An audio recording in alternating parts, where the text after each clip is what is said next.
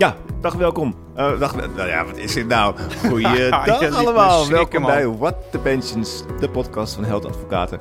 Een introducee van Teun Huig die dat bijna nooit doet. En als hij doet, dan gaat het flink Goed. goed. En jij bent Mark Heemskerk. Hoi Zo is het. Nou, Teun. We gaan weer een nieuwe podcast opnemen. We gaan het een klein beetje anders doen. Ja, en Pepje ik, Kokkies zitten voor de camera. ja, voel je extra druk? Ik wel. Mooi. Jij? Want ik weet, jij presteert goed onder druk. We hebben veel reacties gehad op de laatste podcast. En met name ook op jouw euforische staat, Teun. Ja, Je was zo opgetogen over die uitspraak van de Hoge Raad. eh, waarin je volgens mij, ik zeg het maar zelf, toch ook Mhm. bevestiging zag dat jouw eigen ah, gedachtegoed... Nee, dit, dit wil ik uit niet die in hebben. 20 Jullie- artikelen van je werden, Nee. werden bevestigd. Nee, nee, nee. Mag ik dat gewoon niet zeggen? Nee, want dat, omdat ik, ik maak het te vaak mee. Nee, ik wil dat gewoon niet. Weet je, we, Oké, We hebben gaan gewoon we over iets Nee, anders. We gaan, dan gaan we- Vandaag gaan we een podcast maken over een specifieke uitspraak. en niet zomaar een En niet zomaar één. want Hype, hype, hype. Uh, Tanger Advocaten. Tanger Is een Advocaten. advocaatkantoor. Ja, kijken wij toch altijd met extra interesse naar, hè, als er een advocatenkantoor is Ja, ja. met een Eh, en, pensioengeschil. maar, maar- en wat ik ook leuk vond, weer, want eh, dat hebben we ook gehad bij Nauta Dutiel, Ja, ehm, was er een ja, soort van pensioenrecht, soort van pensioenrechtadvocaat bij betrokken. ja. Het, daar ging het eigenlijk, ja, want die mevrouw, die is advocaat, die Mhm. wil meedoen aan de pensioenregeling. Eerst niet, Ja, eh, maar daar komen we zo meteen eh, Ja. uitgebreid over te spreken. Die had ook een soort van pensioenopleiding. Ik kende hem niet, maar... Nee, dat is ook veelzeggend. Ik heb ook zitten, zitten googlen en zitten kijken van, eh, wa- wat is dat dan precies voor opleiding? Even bijzoeken. hè. En? Ja, hier heb ik een Pension Lawyers Association. Ik dacht eerst dat het een opleiding was van de Vereniging eh, voor, pensioen, voor, pensioenrecht of van pensioenjuristen, maar dat is het niet. En die, kennen, die verenigingen kennen wij allebei heel goed. En dat is hem, eh, daar zit hij niet in. Nee. Nou ja, Maar goed. even niet. Ja. Ehm, pensioengeschil. Eh, Teun, jij bent altijd heel goed in, in het kort weergeven van de essentiële feiten. Zal ik een Mhm. aanloopje nemen en zeggen dat het eigenlijk om ging? Nee, dat laat ik bij jou. Waar ging deze zaak over? moet je als werkgever, als je de pensioenregeling wijzigt, de werknemers die eerder afstand hebben gedaan, Ja, alsnog de mogelijkheid geven deel te nemen? mooi. En de vraag wordt Ja. dan tussen ons tweeën, en général, of als er iets heel specifieks speelt? Ja, Nou, en eh, de feitjes nu, hè? de feitjes, de feitjes. Nou, zal Ja. ik beginnen, dan neem je hem halverwege wel over. Jawel. Eh, deze dame was in dienst getreden. Print In- jij je papier altijd zo horizontaal? Nee, hij kwam er zo uit. Ik vind het eigenlijk wel lekker. Oké, nou ga door. Misschien ga ik eh, overstappen. Ja. Dus deze mevrouw kwam in 2003 als eh advocaat stagiaire in dienst. Dan zie je, dat vind ik altijd leuk van die feitencomplexjes, hè, de carrière vordert. eh, dus ze wordt advocaat-medewerker. En dan was de volgende stap salary partner, advocaat, ja dan nee. Eh, laten Mhm. we voor het gemak maar even nu zeggen dat ze salary partner is geworden. Ja. Is nog onderwerp van geschil geweest in deze zaak. Ja. Eh, maar het bijzondere wa- wat deze zaak een pensioenzaak heeft gemaakt, is dat ze op enig moment aangaf: eh, ja, ik heb eigenlijk wel behoefte aan iets meer cash in plaats van deelname aan die pensioenregeling voor, eh, voor salary partners. En dat, zo gebeurt het ook. Ze krijgt dan een bedrag van 350 euro extra loon. Nou, het, het, het liep op. Het was, was echt uh, koehandel, hoor. Ja, Maar inderdaad, ook 350 Nou, kom er maar in. euro. met je maar je zegt- koehandel. Je zegt het hartstikke goed. Er is gesproken over, want ze werd dan salaried partner. En dan doe je mee aan de pensioenregeling, maar zij wilde meer cash. Ja. Dus ik zei die werkgever, weet je wat, dan neem je lekker niet deel. Krijg je de werkgeversbijdrage bovenop je salaris. Ja. En nog meer. Maar Maar wat gebeurde er een paar jaar later, Teun? Ja, dat is, dat is wel, weten we niet helemaal zeker. Maar het lijkt alsof de werknemersbijdrage in ieder geval eruit is gehaald. Uit die DC-regeling. Mhm. Oftewel, hey, werkgever betaalt het allemaal? Met vraagteken. In ieder geval, de werknemer hoeft het niet meer te betalen. Dus haar andere salary partners, Ja. collega's. Ja. En zij komt daar veel later achter, vijf jaar achter. En toen heeft ze die opleiding gedaan. Ze denkt, hey, dat is niet oké. Dat is onze aanname, hè, dan. Dat ze dat dacht. Of dat ze Dat ze door die opleiding op een gegeven moment dacht... Ja, ja, ja, ja, ja. Natuurlijk heb je er gelijk in. En, ehm, en, en, en, en dan heeft ze ehm, eigenlijk twee klachten. Eén klacht is, toen ik salary partner was en het gesprek had over hoger netto salaris, bla bla bla, bla, ben ik niet goed geïnformeerd door jou. Ja. Want je had me ook berekeningen moeten eh, ge- geven voor schotelen En ik denk dat dan wordt bedoeld, uh, ja, wat heeft het op de langere termijn voor gevolgen voor mijn pensioenopbouw, Ja, toch? ja. En het tweede is, ehm, dat ging dan over het afschaffen van die deelnemersbijdragen. Ja. Ehm, ja, je had me dat moeten informeren. En volgens mij wordt gezegd, je had me zelfs de optie moeten geven toen, om alsnog in te stappen in de pensioenregeling. Ja, zo is het. Nou, dat is onzin allemaal, toch? Wat lekker genuanceerd weer, Teun. Je ziet dat de kantonrechter het opknipt in, eh, in drie vraagjes, hè? Ja, klopt. Even kijken, dan... eh, Ja, we zitten één. met YouTube, Tube, hè? We hebben een soort window van 12 minuten, en anders kunnen we niet ehm, daar pluggen.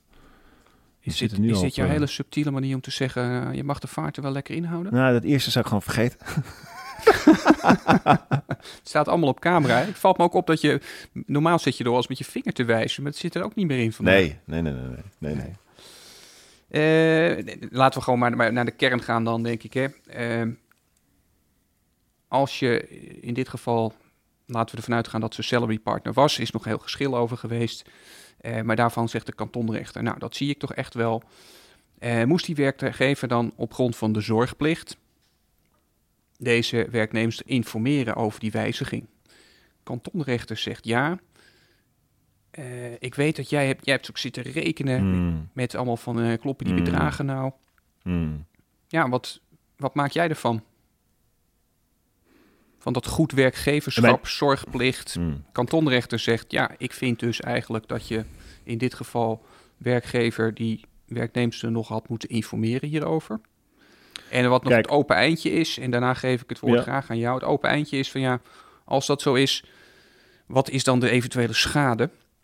Want het is een tunnes, tussenvonnis, eh, dus die schade, dat Ja. wordt dan waarschijnlijk nog uitgevochten. Kijk, ik stel vast dat partijen, maar maar ook de rechter, eigenlijk niet zo lekker thuis zijn in pensioen. Want dingen lopen door elkaar heen, worden niet zuiver geformuleerd. Dus dat is totaal irrelevant misschien, maar ook niet helemaal. En wij hadden net een fitty, hè? Wij hadden een lichte ruzie. Nou ja, een andere visie, een oneenigheidje. ehm, iets wat we beloofd hebben nu niet te gaan herhalen. en dat lossen wij zo op. Door, door eh, te zeggen dat de rechter het niet begrijpt. nee, maar die... Kijk, je gaat je, je afvragen van... Want die rechter zegt... Ja, als jij in het algemeen de pensioenregeling ehm, wijzigt... Dan, dan had je bij haar... Bij deze werknemster... haar moeten informeren en nog een keer een aanbod moeten doen.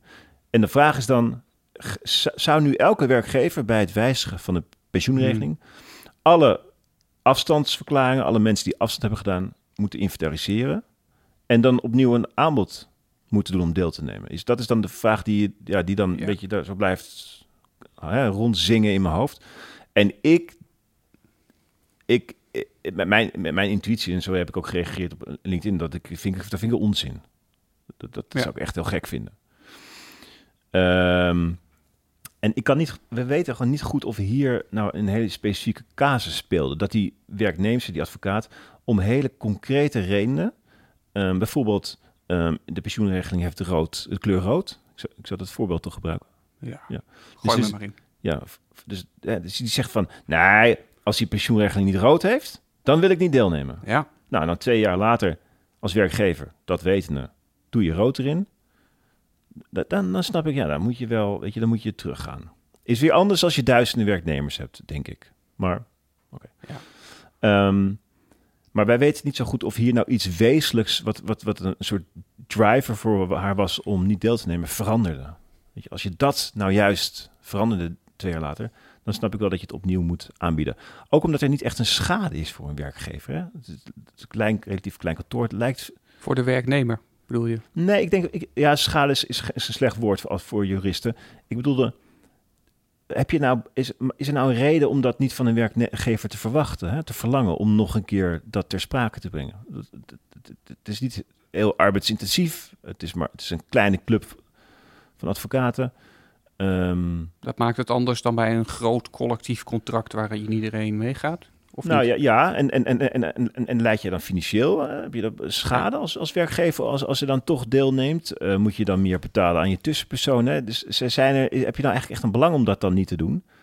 Hm. Ja, en, en ik kan me voorstellen dat het een rol speelt. Maar ik vind het moeilijk om dat hier eh, uit op te maken, Ja. hoe, dat, hoe die dynamiek was. Omdat er ook dus ten aanzien van werknemersbijdragen, werkgeversbijdragen... en wat veranderde nou precies? Het nog voor mij diffuus is, onduidelijk. Nou, dat, dan is dat in ieder geval duidelijk, want wij waren aan het puzzelen. Hoe zit het nou met die werkgeversbijdrage, die Zeg, werknemersbijdrage? zeg je nou bewust helemaal niks? Want net hadden we een fitty en nu... En nu...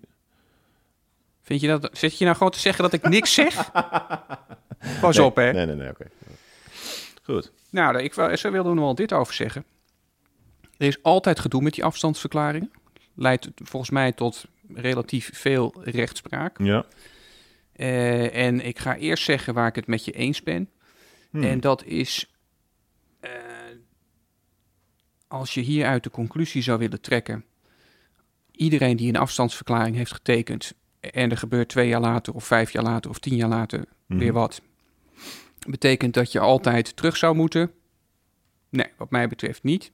Mhm. Ik krijg nou een heel raar signaal van Ja, je. Zo. ja, ja. Moet ik afronden of zo? Ik begin net lekker warm te worden. Nee, ga door. En het laatste eh, wat ik erover ga zeggen dan is het volgende. Je bent het kwijt, hè? Zo. Zo. Is het volgende. Jouw kleur-rood vergelijking vind ik echt prachtig. Eh, ik houd het gewoon op dat het er eh, in dit geval volgens mij echt in zat dat er een afruil was geweest specifiek over die bijdrage. En dat als er dan iets verandert, wat ervoor zorgt, zoals jij dat noemt, dat de Mm. kleur rood weer terugkomt en op tafel, ja, dat je dan misschien wel aan dat goed werkgeverschap terug, eh, terug aan tafel komt. Ja. Ja. Nou, oké. Even over dat informeren. Dus ook hier, dat wisten we al bij die andere pensioenrechtadvocaat. Het maakt eigenlijk niet zoveel uit. Ook, en ook bij E.ON eh, hebben we dat ook als werkgever E.ON. Je mag nog zo kundig zijn in het vakgebied. Eh, Ja, geruststellende gedachten voor, eh, voor juristen, vind je niet? ja, dat je je gewoon kan verschuilen achter onwetendheid. Dus ook al ben je advocaat, dan word je geacht misschien wel... Accountant, Of accountant. Die zorgplicht geldt voor iedereen. Ja.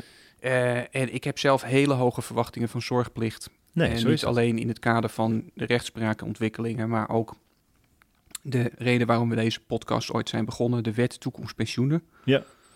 Een van die doelstellingen van die wet, het wordt transparanter en eenvoudiger. Nou, dat gaat echt niet lukken. Hmm. Dus ik denk dat we een hele grote toename aan zorgplicht steun gaan eh, krijgen. Hey, Dit Ken was jij- de cue, hè? ja, ken jij eh, die uitspraak van Jerry Springer? Ah, die moet niet over Jerry Springer beginnen nu, hè? Nee, oké. Nou, dan laten we hem lekker erbij. Ehm, take care of yourself. And each each other. other.